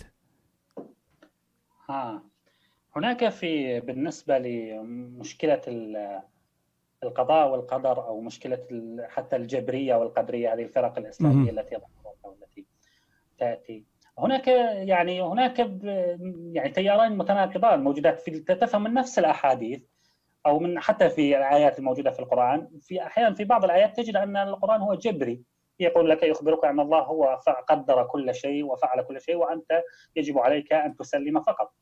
وأحيانا يقول لك أنه في بعض الآيات تجد أنه يقول لك لا الله لا علاقة له بأفعالك أنت الذي آه، تفعل هذه الأفعال يعني لا تجد هكذا تجد يعني هي حسب تفسير الناس اللي حسب تفسير لكل فرقة لما كما قلنا القرآن حمال اوجه إذا جئت به هكذا تجده مثل هكذا مثل البوفيه في كل شيء. بالضبط. تجد تجده في اي في أي اتجاه تريد أنت، لكن عندك الاعتقاد الموجود عند أهل السنة والجماعة وعند السلفية.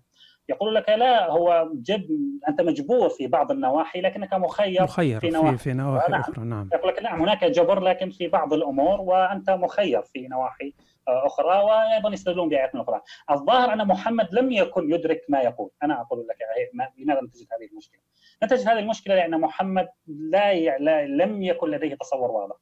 فهو حتى لما قالوا له لما سئل عن سؤال من خلق الله قال تعوذوا بالله من الشيطان فهو هذا السؤال البسيط الذي هنا المسلمون يأتوا يجاوبونك عليه يخرج فحولهم محمد لم يستطع الإجابة عليه يعني هذا السؤال يقول له من خلق الله؟ قال إذا اتاكم الشيطان فتعوذوا بالله. تعودوا يا نعم. ولم يعرف الجواب. فهنا هذا دليل على ضالة الموجودة عند محمد. لا يستطيع تبرير ما يعتقده لأنه هو استقى. أنا في الحقيقة أعرف أنه مجرد يعني استقى هذه العلوم وهو يكررها. لا يوجد شيء من استنتاجه هو لا هو يستقي ويكرر. فلذلك هو عندما يجد مشكلة حتى عندما وجد المشكلة في مشكلة مريم لما أتى هذا ذهب أحدهم إلى اليمن وجاء وقال له كيف تقول أنت يا أخت هارون؟ مريم ليس قال ألم آه، هو كيف برر قال له قل كانوا يسمون بأسماء أنبيائهم وحتى مريم لم يكن له اب أساسا يعني لم مشكلة يكن- مريم آه، من جميع. الجوانب. هذا يعني ما فيها ما شيء صحيح يبرر تبرير شخص أما طبعا هذا الحديث يمكن أن يكون مخترعا بعد أن واجهوا المسيح ويمكن أن يكون حقيقة فعلا سواء لا يمكن التاكد من ذلك. لكن على أي حال لاحظ أن محمد لا يعرف كيف يخرج من ال- الورطات التي يقع فيها. حتى في مسألة آه، الع- العول هذه التي قلنا عنها لم يخرج. هو فقط حل التعصيب وترك العول لأنه لم يعرف حلا. لأنه لا يعرف الرياضيات جدا لم يعرف حلا لهذه المسألة تركها. ولا هو شعر بها. عندما ألف وخرج وأتى ليقسم بالتأكيد أتته مساله فهو خرج. لم يستطع كيف يحل لم يقل بها حديث. لأنه لاص مثل ما نقول. لم يعرف. يعني أخطأ ولم يعرف كيف يصلح خطأه. في التعصيب تستطيع أن تصلحه لأنه سهل واضح. الباقي اعطه لأول ذكر. حله هكذا وهو يعني. عن ماشي. أوكي عزيزي. في مسألة القضاء والقدر أيضا مم. في هذه المسألة. قال نفس الشيء يعني ف- يعني تجد آيات هكذا تجد آيات تحث تجد آيات تقرأ منها أو تفهم منها أن الله هو الذي يريد أضلال الناس بشكل واضح. كما آه، قال طبعاً، إذا طبعاً. أردنا أن نهلك قرية أمرنا متر فيها ففسقوا فيها. هذه الآية بشكل واضح تقول لك عن النية المسبقة له بإهلاك القرية. وهنا أتت قال إذا إذا أردنا أن نهلك قرية أتت مذك... أتت هكذا مفردة أو أتت غير معرفة. أتت غير معرفة ومنونة. فهذه تدل على العموم إذا أتى الاسم في اللغة العربية هكذا يدل على العموم. يعني أي قرية ليست هنا قرية ظالمة أو لم ي... لم يضبط شيء أي قرية إذا أردنا أن نهلك قرية أمرنا مترفيها.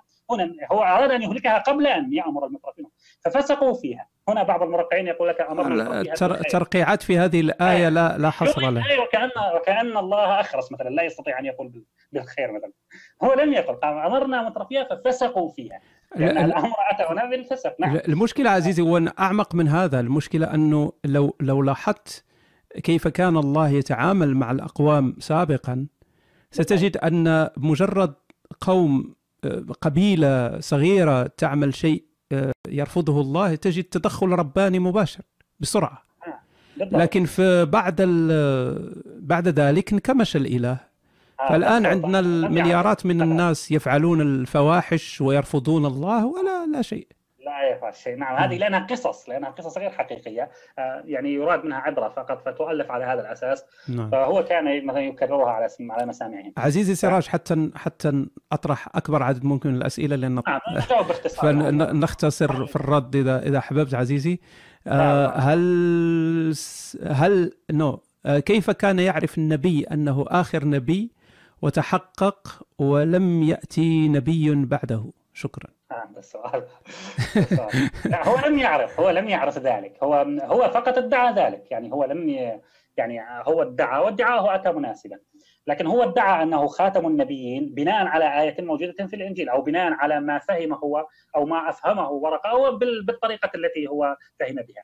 فهم أنه آخر الأنبياء. فهو ادعى بناء على ما قيل له لم يدعي هو يعني من وحده يعني لم يدعي هذا من تلقاء نفسه. هو ادعى ما, ما, الذي جاء في الإنجيل؟ جاء ليس في الانجيل جاءت في آية موجودة أن أنه يأتي المخلص. هذه الآية التي يستخ... المعزي يستخدمونها. آه هذا ال- نعم إشارة نعم, إلى نعم هذه ورقة أو هو أثم نفسه لا أعرف أنا كيف تم الأمر لأنه في القرآن يقول ف- فإن كنت في شك مما أنزلنا إليك محمد يقول فإن فاسأل الذين يتلون الكتاب من قبلك.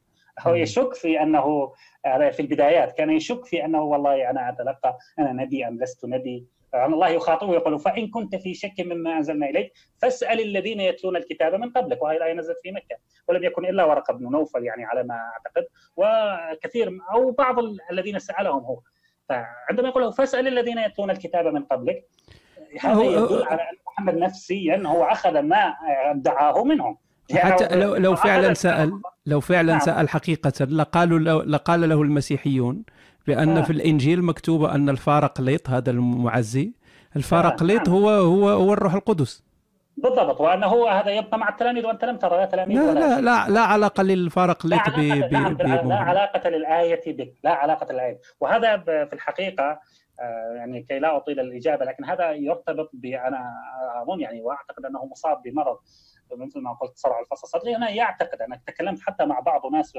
مصابين باضطراب الوجدان أو إلى آخره أو حتى بالشيزوفرينيا. هم يستدلون بشغلات ب- بأمور من من الكتاب المقدس أو من القرآن يدعي أنه المهدي. وهي آية لا علاقة لها به. أقول له هذه الآية ما علاقتها بأنك أنت المهدي؟ هو يكتب. ما لا علاقة لها به لكن هو يصر يقول لي هذه الآية تشير فأنا تذكرت محمد مباشرة هذه الآية التي للمعزي لا علاقة لها به وهو يستند عليها. في الحقيقة محمد كما قلت لك عندما ادعى أنه آه، آخر نبي هو تلقى ذلك أو فهم ذلك. الإشارة التي فهمها أنه يجب أن يكون آخر نبي. أو الاحتمال الثاني أنه فعل ذلك لكي يمنع لأنه كان هناك مسيلمة الكذاب كما يقولون والأسود العنسي ظهر. فإذا ظهر هؤلاء بكثرة إن لم يدعي أنه آخر نبي فسيفتح الباب يعني. أي شخص وكانوا ينازعونه على المناطق التي يسيطر عليها كما نازعه الأسود العنسي على صنعاء ونازعه وحتى وصل إلى نجران وصل إلى عش- مشارف المدينة فإذا استمر هذا الأمر مشكلة ينازعونه أماكن التي يسيطر عليها هو فبالتالي هو بالتأكيد لن سيدعي أنه ليس هناك نبي إلا هو. فهذه من. الواقع استوحاها هو وبقيت يعني لو شك كل شخص الذي هو انتصر بالأخير فلو ما كما كان كما كان هناك جو من ال- الإيمان وهو كان مقتنع أن النهاية قريبة جدا كما أنه كان من. قال لك أنه لم يأتي مثلا نحن نقول أنه ادعى ذلك لكن هذا لم يتحقق يعني أتى انبياء آه نعم. نعم أتى أنبياء وديانات جديدة نعم و... اتى نعم. ديانات وجبهاء الله مثلا تماما ملايين متبع ولا مرشحة للزيادة فهذه من قال لك أنه صدق في يعني انت. لم تاتي إلى 1500 سنة بعده الاديان تستمر ل 6000 و 7000 سنة. فأنت لن تعرف ممكن تأتي دي- يا نبي جاء وإلى آخره الناس تصدق وأكثر من ذلك. وموجود حاليا يعني بعض الأنبياء هذا موجود في بعض ال- الديانات الأخرى التي انتشرت حديثا كنضرب مثال كالبهائيه فهو لم لم يعني هذا ال- الأمر هو ادعاه بناء على ما يريده هو. يعني بناء على ما. تلقاه وبناء على الواقع الذي يحيط به. فلم يكن يعني شيئا هو عرفه يعني. فهو ادعى جيد. هو تناسب يعني مع الفترة التي جاء أوكي. آه جميل هناك آه، سؤال أظن موجه لي أنا لكن آه عنده علاقة بمساله أنه كان مصاب ب- بهذا. بهذا المرض يقول. آه هشام هل تعتقد أنت كذلك أن محمد كان مصاب؟ أنا أنا شخصيا آه عندي ربما آه طريقة مختلفة في التعامل مع محمد، أنا لا أهتم بمحمد يعني حياة محمد أو محمد يعني الشخصية أو تاريخية محمد من عدمها أو أين كان محمد، هذه أمور أنا شخصيا لا أهتم بها كثيرا. أهتم أكثر بماذا تركه محمد. بالضبط يعني عندنا النصوص وعندنا هذه المشاكل محمد مات سواء كان مريضا أو لم يكن مريضا لا يهم. المشكل هو ال- هو الإرث ال- ال- الذي تركه والذي نعاني منه. هذا هذا في رأيي لكن أنا لا أقول أن من يبحث في هذا الأمر أو يناقش هذا الأمر أنه على خطأ أو لا. بالضبط. نحن نناقشه على سبيل الإجابة على سؤال لماذا عن النبوة وليس على سبيل مثلا أن لأنه هو ليس نبي هذا أمر متفق عليه. يعني من المحتوى الرسالة متفق عليه. أو نحن نسلم به من خلال محتوى الرسالة. واضح أنه ليس نبي. لا, لا نفعل هذا. أي لا نقول أنه مصاب تغير كي نقول أنه ليس نبي. لا. هم المسلمين يفهمونها هكذا. أننا نقول أنه مصاب لنتهرب من كونه نبي. لا. نحن نبشركم. ليس نبيا سواء كان مصابا أم لم يكن مصابا. هذا واضح من المحتوى الرسالة. نحن اتينا لكن نحن نفسر هذا تفسير طبي علمي يظهر يعني. يعني هذا تفسير في- طبي علمي نفس- تسالون لماذا ادعى ولماذا لا أقول لك ادعى هذا سبب محتمل.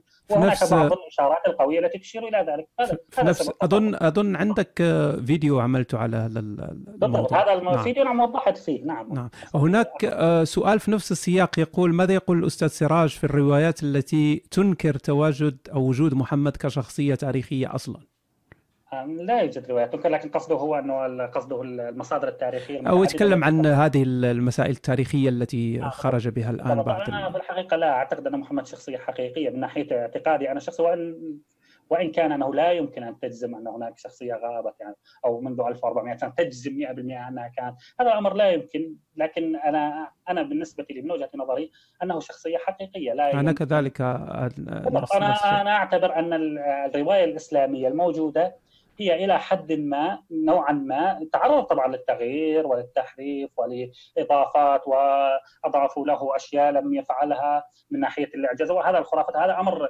نفسيا معروف للمجتمعات. حتى عندما مات صدام حسين قالوا أن صورته ظهرت في القمر. فبدأوا يؤلفون أشياء خوارق عليه وإلى آخره. هذا الأمر مفهوم ال- الأشياء التي نقلت عن محمد أنها اعجازيات وكذا. بالتأكيد هي تخالف التاريخ وتخالف المنطق لا نسلم بها.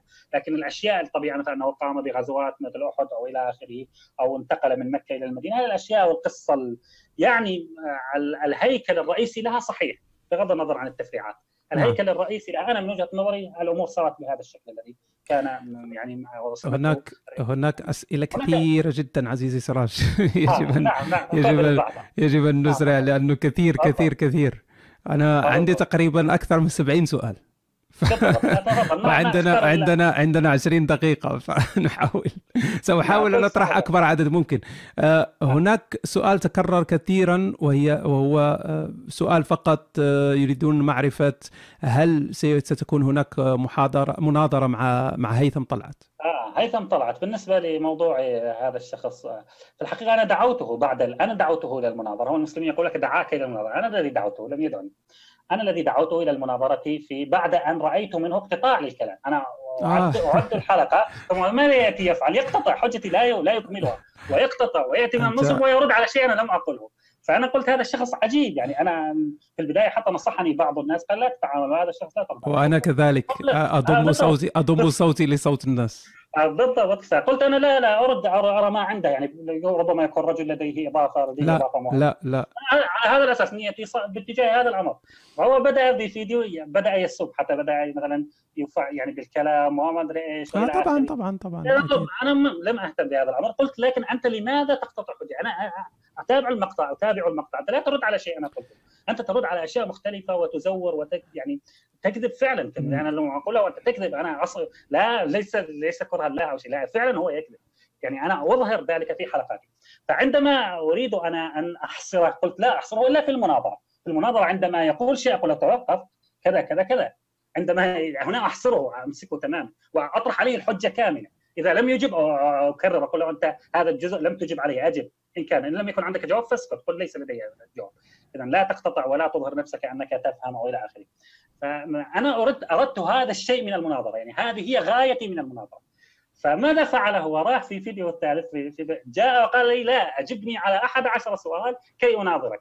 فأنا أرسلت له مباشرة بعد الحلقة قلت له أرسلت له على الخاص لا أعرف راى ذلك لم يره. لكنه لم يرد حتى الآن. قلت له لماذا تقول لي تنتج حلقة كاملة كي تقول لي رد اطرح علي هذه الأسئلة في المناظرة. مو إحنا أتينا إلى مناظرة. انت تطرح هذه الأحد عشر سؤالا التي أتيتها في المناظرة اطرحها وأنا أجيبك عليها وأنا أطرح عليك أسئلة وأنت أجبني لنرى لنرى من يجيب الآخر وكيف تكون حجتك لماذا تنتج حلقة؟ أنا أقول لك لماذا. لأنتج أنا حلقة وأرد عليه ثم يبدأ يرجع لنفس ال آه، نفس طبعا ال- طبعا هو آه، هو الهدف. لعادتها القديمة. ال- يرجع يقتطع ولا يرد على المشكلة الكلام ولا عزيزي. هو هو هو ما هي نية الإنسان؟ أنت أنت إذا دخلت المناظرة فعندك نية توضيح آه، تقدم. تقدم ما عندك من من دلائل آه، وتريد الوصول إلى شيء. هم عندما يدخلون المناظرة هم يدخلون على أساس أنهم في حرب مع أهل الكفر. فهم يدخلون على أساس أنه أي شيء مسموح به. يعني هو ممكن أن يقوي لك أشياء لم تقلها. ممكن أن يكذب عليك. ممكن أن يدلس. ممكن وهو يحتسب ذلك عند الله. هذا المشكلة. هذا المشكلة. حتى يكذب على دين المشكلة. حتى على احاديثه يعني طبعاً، أنا طبعاً. أنا-. أنا عانيت الأمرين من هذا الأمر. أنا أعلم. ما ما مشكلة هذا الشخص مشكلة. فأنا ما يعني من هنا حتى أدعوه لمرة أخرى لأن يأتي إلى المناظرة وأنا أجيبه. 11 سؤال دعها 100 سؤال يا أخي أجيبك أنا. في المناظرة أجيبك. عزيزي حتى لو أجبت أنني على ألف سؤال. مثلا. هو يعني في مناظرتنا لا أجيب على موضوع سبينوزا مثلا. هو يظن ان ليس لدي جواب. يعني أنا لا أريد أن أدخل سبينوزا في موضوع صراع الصبي هذا ولا أجيبك أنا لو آه، وجهه أجيبك على كل ما تريد. أو يذكر لي النجاشي لأني لم ذك- لم أذكر مثلا مسألة كيف توقع محمد أن النجاشي يموت في هذا. يظن أنه ليس لدي إجابة على سؤالي هذا. فهو يأتي نق يعني آه، انتقل الأشياء التي لم أجب عليها. فهو يظن آه، انه لا جواب. انتظر انتظر أي شيء انتظر أي شيء. أنا اختصارا للحلقة لا أجيب لكن ليس لا هذا لا, لا, يعني أنه ليس لدي لدي جواب على كل أنا هذه المساله لما طرحتها ولما قلت أن محمد مصاب أنا أعرف أكثر منه واصلا ابرر أفضل منه. بعض التبريرات حتى لما يقولها أنا شخصيا لدي تبريرات أفضل من تبريراته. يعني أنا ارد أحسن حتى أعلمه كيف يرد لكن هو لا يعني هو في الحقيقة ضعيف ليس أهلا. أنا أرى أنه ليس أهلا لهذا الأمر وأنا طرحت عليه. قلت له لا لا إن كان رجلا هو سيأتي كما قلت له. قلت له تعال إلى وإن أنا كنت أنا أنا, أنا أريد فقط يعني نصيحة مني ان آه. أنك آه، تنزل قليلا سقف التوقعات. لأنك تتعامل مع ناس عندهم عندهم أجندة واضحة.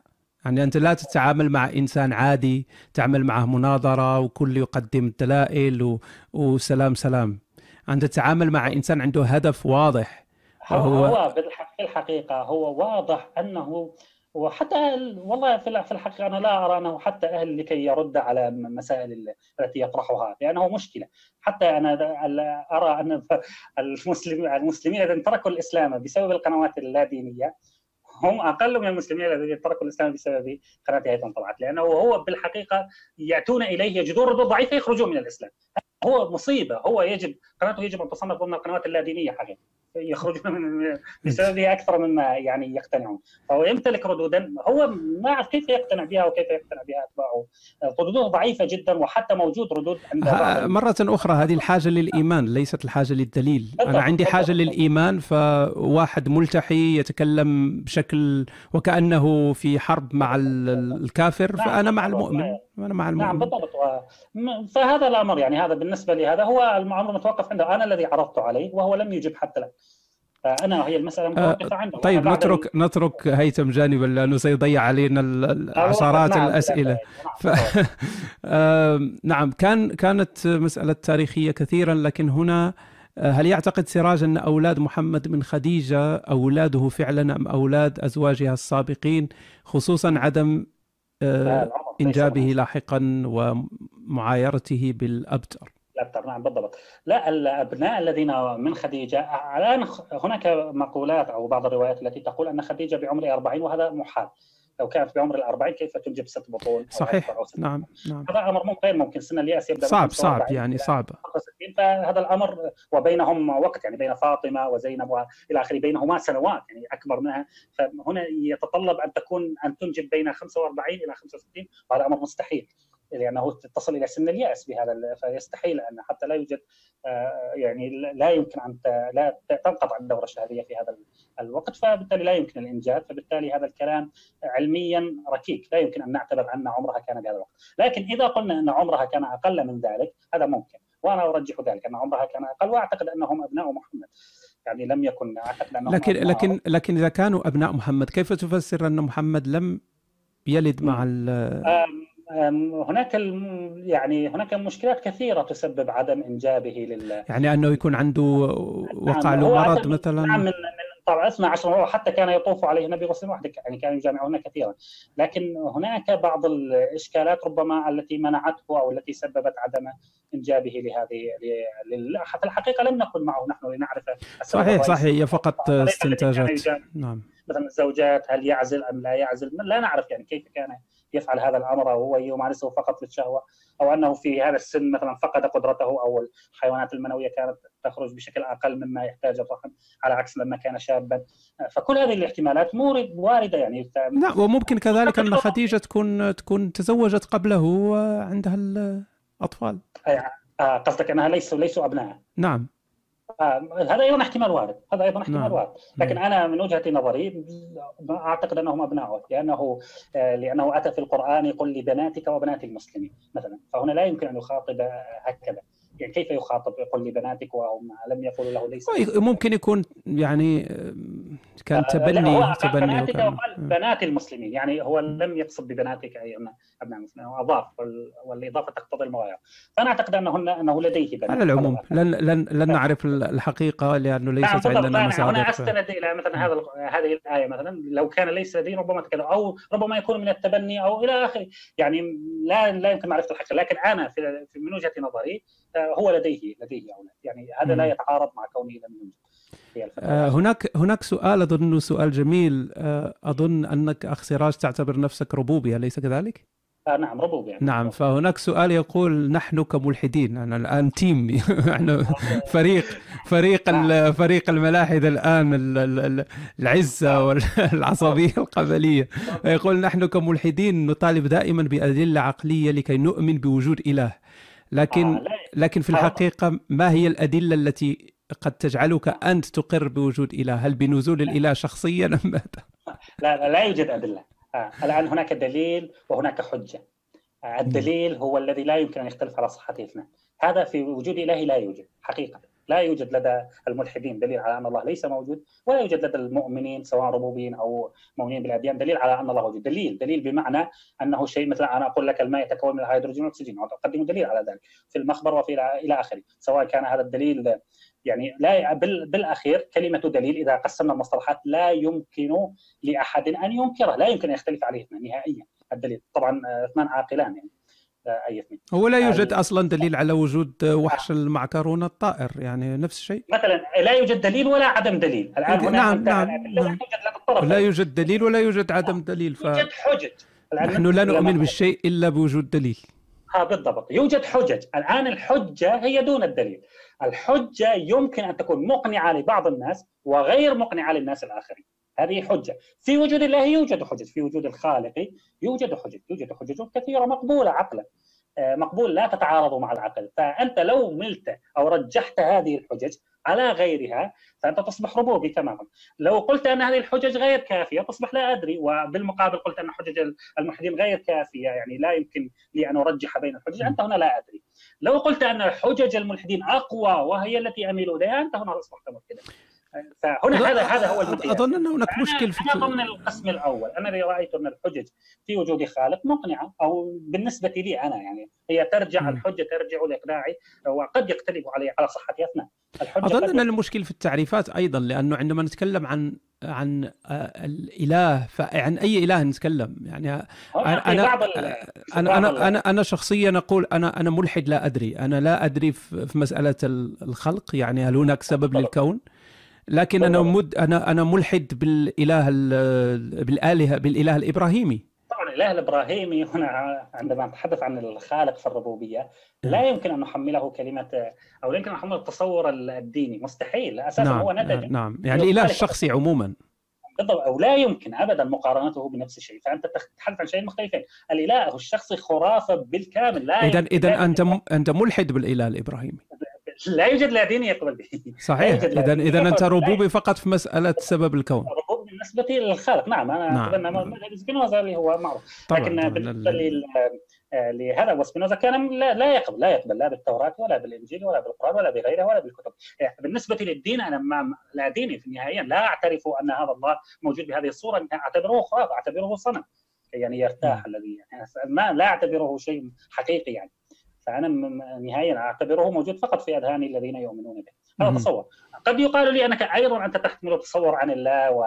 لكن أنا في هناك فرق أنا التصور لم أتلقه عن إيمان أو عن أنا تلقيته عن معرفة عن بعض الحجج التي وجدت أنها هي السبب أن هذا الخالق ممكن أن يكون هو السبب في وجود على العموم. لا, لا يغير هذا شيئا يعني ما ما هو الفرق لا، لا. بين بين. ربوبي بالمعنى الذي يعني الذي قلته و آه. و وواحد ملحد ما الفرق؟ لا فرق لا فرق إلا في مسألة سبب وجود الكون. نعم لكن يقول- الم- المشكلة أن ليس حتى هناك فرق في في في في الحياة اليومية. يعني نحن الربوبي لن يذهب الآن ليصلي أو أو لا لا يوجد ما هذه المصطلح ما الألوهية غير موجود موجود فقط الخلق. وحتى لما استخدم سبينوزا مصطلح ديازت أو ربوبية استخدمه لكي لأن الناس هكذا تقول عن. عن هذا الشيء. يعني هو لتبسيط الفهم ولا ولا يقصد به آه، رب بمعنى أنه متصرف بأمور الكون أو إلى آخره. لا. هنا نحن نقول أنه السبب ال- ال- هذا هو السبب الرئيسي لوجود الكون عن طريق خلق عن طريق كيان واعي أزلي. فهذا هو الفرق. لكن ال- الآن هنا مسألة الغاية تأتي وما غايته من خلق. طبعا كل هذا أجاب عليها. هذه موجودة أجاب عليه في الفلسفة الربوبيه هذه موجودة. مسألة ما الغاية من خلق ولماذا خلق وتركنا وإلى. هذه الأسئلة كلها هو المسلم يتخيل أنه لا هذه الأسئلة موجودة ومقنعة جدا. يعني ليست هنا ولا يعني الوقت لا يكفي للإجابة على كل الأسئلة. ربما آه لا هناك هناك إحنا وصلنا لأكثر من 140 سؤال. ف... آه. ربما ربما نحتاج إلى لقاء آخر لأنه ن- نجعله فقط للأسئلة. آه، هناك آه، آه، صديق أنا أظن أنه من المعجبين جدا بما تقدمه آه، عزيز سراج هو يسال عن واقعة الإفك. نعم،. فلو لو أعطيتنا المختصر المفيد يعني كيف أن حادثة الإفك هي مشكلة حقيقية؟ هي مشكلة والله هي بالنسبة لعائشة سواء هي فعلت أم لم تفعل هذا أمر لا أعرفه أنا. هنا بعض أحد المسلمين- يعرف. قدمت حلقة سابقا وبعضهم يعني سخيفين لدرجة لا تتصورها. يعني اتهمني أنني أقول أن عائشة زنت أنا لم أقل أنا لا علاقة لي. هي سواء فعلت ذلك أم لم تفعل لا- لم أكن معها. لكن هنا الاعتراضات التي وردت أو المشكلة في هذه الحادثة ليس أن زوجة محمد زنت. ف- فلنفترض أنها فعلت ذلك يعني ما هي المشكلة على محمد؟ يعني ما هي ما هي الشيء الذي لا يثبت نبوة محمد في ذلك؟ لا يوجد، لكن نحن لا نتحدث عن شيء يعني يعيب محمد، هم هكذا فقط، المسلمين يظنون اننا مثل الشيعة مثلا، نسبها لاننا نظن أن هذا يؤثر على محمد، ليس لدينا مشكلة مع محمد، سواء فعلت أم لم تفعل، هذا أمر لا علاقة لنا به. نحن نقول أن تعامله مع هذه الحادثة نعم. يدل على أنه ليس نبي. هذا. هذا المشكلة نعم. الحادثة وقعت أم لم تقع زنت أم لم تزني أنا لا علاقة لي. لم أكن حاضرا ما ما علاقتي أنا ما علاقتي بها هي أساسا شيء ماتت طيب فسر فسر فسر الناس آه، آه، كيف تكون كيف مشكلة؟ كيف أن. تعامل محمد هو هو مشكلة؟ ها تكون مشكلة لما أن محمد ينتظر مثلا لا يعرف مباشرة أن زوجته لم أو يشك بها حتى. وثم عندما يأتي ينزل آيات يرفع عدد الشهود إلى أربعة. هنا هو يتخذ إجراء وقائي لكي لا يحصل تكذيب له. بالضبط. كيف يعني نختصر هذه المسألة؟ هو عندما أتى ورفع الشهود إلى أربعة إلى إلى قال أربعة شهود في الزنا مع أنهم في القتل كانوا في كل المسائل اربعه لأن كان هناك اربعه اناس هم الذين شهدوا على عائشة، الآن بعض المسلمين يقول لك هذول لم يشهدوا، أنت لم تكن معهم يا حبيبي يا مسلم، أنت لم تكن معهم. تقول هم قالوا أحدهم قال امرأة نبيكم وقعت أو وقعت مع رجل أو زنت مع رجل أو زنت مع هذا الرجل أو مع يقصد هذا الذي زنى معه. صفوان. إيه ف... ف... وأيضا أربعة آخرين اللي هم هي امرأة حمنة بنت جحش وكذلك مصطح بن اثاثه وحسان بن ثابت وهذا عبد الله بن أبي بن سلول هؤلاء الأربعة. ثلاثة هذول الثلاثه رجال والمرأة الرابعة هي شهادتها بنصف شهادة الرجل اذا هم ثلاثة ونصف. فمحمد رفع الشهود إلى أربعة. لماذا؟ لأنه يجب أن يتخذ اجراء بحق عائشة لو شهد اربعه شهود. لأنه في حال وجود مثلا لو قال ثلاثة شهود اذا عائشة يجب أن يطبق عليه حد، إذا قال شاهدان اذا عائشة مشكلة، اذا فهو موجودون الثلاثه موجودون. ماذا يفعل؟ بده وقائيا يجب أن يرفع الشهود إلى أربعة لأن ثلاثة متوفرون موجودون. فهو رفع الشهود إلى أربعة شهود وهذا دليل أنه لا يتلقى وحيا إنما يتصرف حسب ما يرى هو أو حسب ما تجري الواقع فهنا هو رفع عدد الشهود إلى أربعة شهود. والمفترض أنه لا ينتظر أصلا إذا كان هناك جبريل وكان هناك وحي. هذا دليل أنه غير متأكد أساسا انها بريئه أم لا. أو ليس يعني أنه يغير في هذه الأحكام بسبب واقعه مشكلة حصلت معه. وهذا التغيير سبب له مشكلة. يعني واين الوحي؟ أين الوحي أصلا؟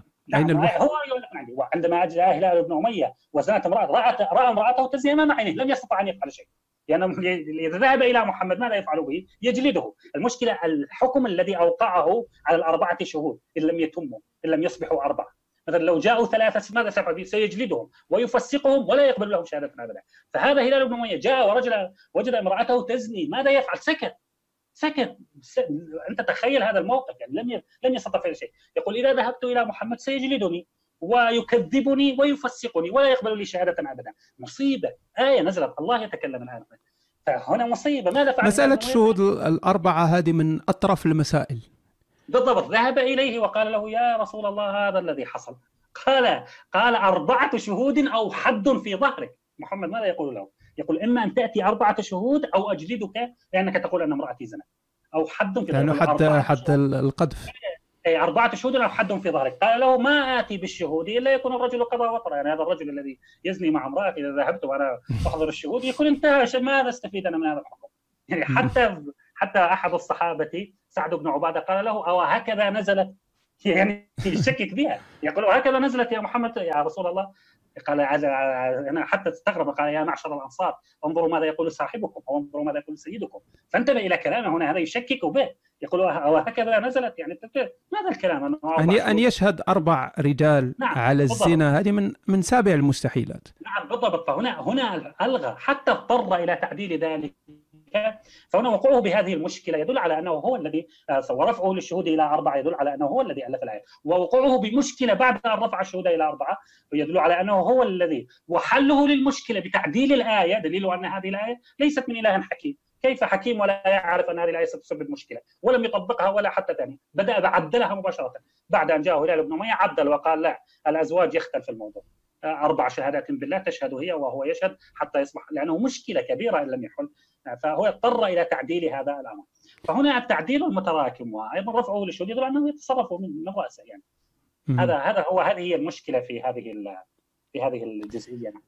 عزيزي سراج آه وصلنا للأسف إلى نهاية ال- نعم. اللق- اللقاء لكن آه أظن أنه آه يجب فعلا أن نقوم بلقاء ثاني نخصصه للأسئلة.